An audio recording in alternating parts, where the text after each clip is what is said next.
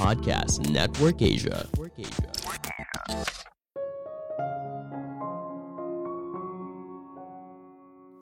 Halo semuanya, nama saya Michael. Selamat datang di podcast saya, Sikutu Buku.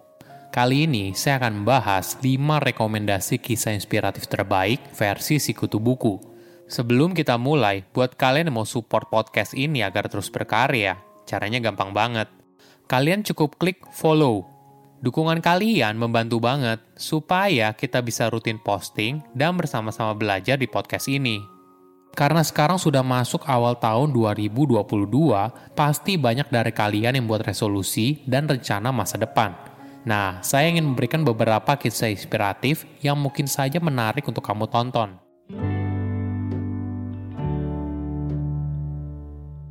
Kisah inspiratif pertama yang saya rekomendasikan adalah kisah inspiratif dari Benjamin Ahmed atau biasa dikenal sebagai Ben seorang anak berusia 12 tahun dari Inggris yang mendapatkan 400 ribu dolar atau setara dengan 5,6 miliar rupiah atas penjualan NFT. Selain sekolah, dia juga menikmati berenang, taekwondo, dan belajar cara menulis kode komputer. Pada usianya lima tahun, Ben mulai belajar soal programming komputer ketika melihat ayahnya bekerja sebagai web developer. Lama-kelamaan, dia mulai menguasai banyak hal, mulai dari HTML hingga ke bahasa program yang lebih tinggi seperti JavaScript dan lainnya. Namun pada awal tahun 2021, Ben mulai tertarik dengan dunia NFT karena kamu bisa memindahkan kepemilikan melalui teknologi blockchain. Dia belajar teknologi ini melalui online tutorial dan mentor yang ditemuinya di komunitas Discord. Ben mulai membuat koleksi NFT pertamanya yang berisi 40 avatar berpixel warna-warni yang disebut sebagai Minecraft YH.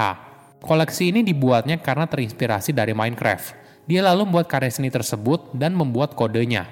Di saat awal, koleksinya tidak langsung terjual laris, tapi cukup baik. Ben melihat proyek ini sebagai pengalaman untuk belajar daripada untuk mendapatkan uang. Pada bulan Juni 2021, dia mulai membuat kode untuk koleksi NFT terbarunya yang diberi nama Weird Wells. Proyek ini berisi 3.350 ikan paus berpixel dengan berbagai karakter, misalnya zombie, alien, dan sebagainya. Tanpa disangka, Ben ibaratnya mendapat durian runtuh.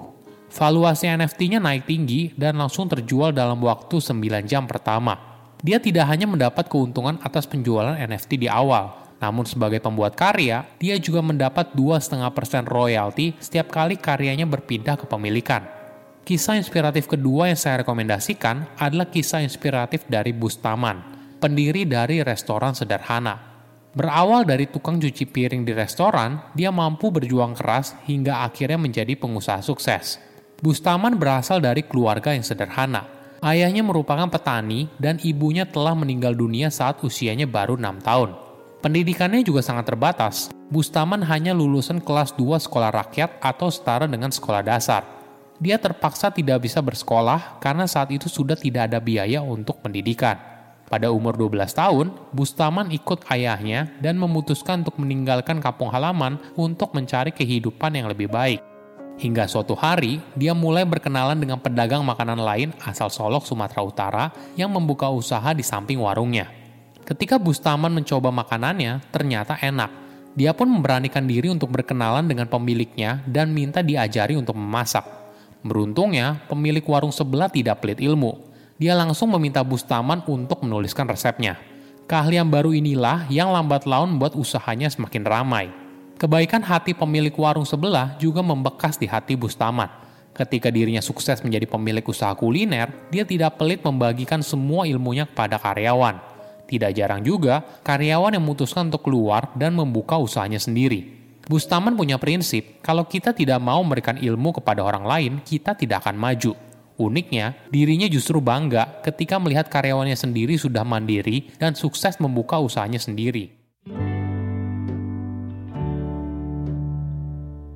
Kisah inspiratif ketiga yang saya rekomendasikan adalah kisah inspiratif dari Muhammad Sadat, founder dan CEO dari Erigo, Beberapa waktu lalu, Erigo sempat membuat heboh media sosial saat iklannya terpasang di salah satu gedung yang berlokasi di destinasi ikonik Times Square, New York, Amerika Serikat. Berawal dari 11 orang, sekarang Sadat bisa berbangga atas pencapaiannya hingga ke negeri Pamansam. Perjalanan yang dialami oleh Sadat untuk bisa ke titik sekarang juga tidak mudah. Bahkan dirinya harus berhenti kuliah untuk fokus melunasi hutang yang menunggu Di waktu awal berbisnis, bisnis yang dijalankan mengalami pasang surut. Sebagai contoh, saat itu Sadat mengikuti pameran di Malaysia. Biaya operasional cukup bengkak hingga mencapai 25 juta.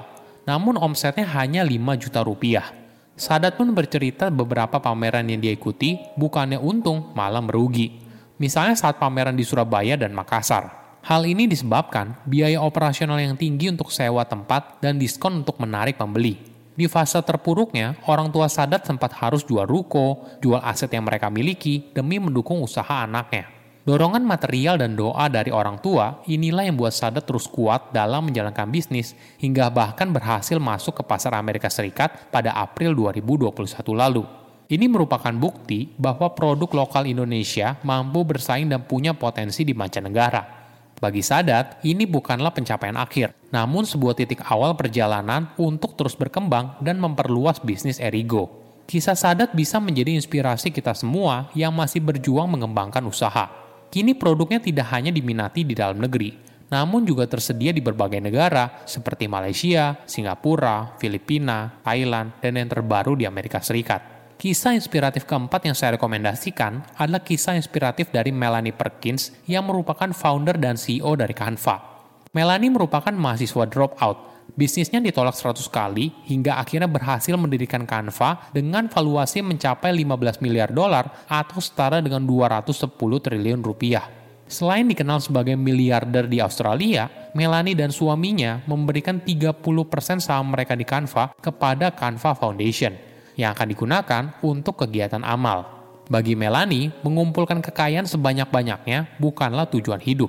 Bahkan dia sempat mengatakan, walaupun banyak orang yang mengatakan kalau mereka adalah miliarder, tapi Melanie dan suaminya tidak pernah merasa seperti itu.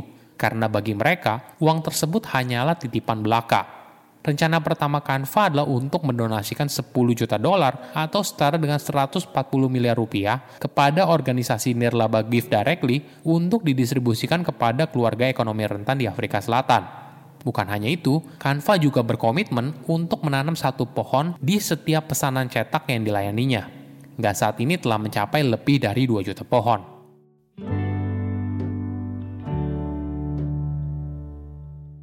Kisah inspiratif kelima yang saya rekomendasikan adalah kisah inspiratif dari Muhammad Yusuf Hamka. Dari yang awalnya pedagang es mambo, Kitty menjadi salah satu pemilik dari perusahaan jalan tol dalam kota di Jakarta. Bukan hanya kaya raya, Yusuf merupakan sosok yang dermawan. Dia selalu mengingatkan kalau apa pun yang dia miliki saat ini berkat pemberian Tuhan Yang Maha Esa. Sebagai gambaran, sejak tahun 2011, Yusuf selalu menggelar acara buka puasa gratis selama bulan suci Ramadan namun sejak berusia 60 tahun, Yusuf tersadarkan kalau beramal jangan hanya di bulan Ramadan saja. Padahal rezeki yang diterima oleh Yusuf dinikmatinya setiap hari. Berbekal pemikiran tersebut, Yusuf lalu berencana untuk beramal setiap hari melalui nasi kuning. Menu ini dipilihnya karena teringat perjuangan ibunya dulu saat berdagang nasi kuning seharga Rp3.000 di Samarinda. Ini merupakan cara Yusuf menghargai jasa orang tuanya dan bernostalgia. Jadi, melalui warung pojok halal, Yusuf menjual nasi kuning, sayur, dan lauk pauk. Tujuannya untuk menyediakan makanan bagi duafa dan masyarakat yang tidak mampu. Nah, tadi adalah 5 kisah inspiratif terbaik 2021 versi Sikutu Buku. Saya tahu pasti masih banyak kisah inspiratif lain yang bagus banget tapi tidak masuk ke dalam video ini. Kamu bisa langsung nonton di playlist kisah inspiratif di channel Sikutu Buku ya. Saya undur diri, jangan lupa follow podcast Sikutu Buku. Bye-bye.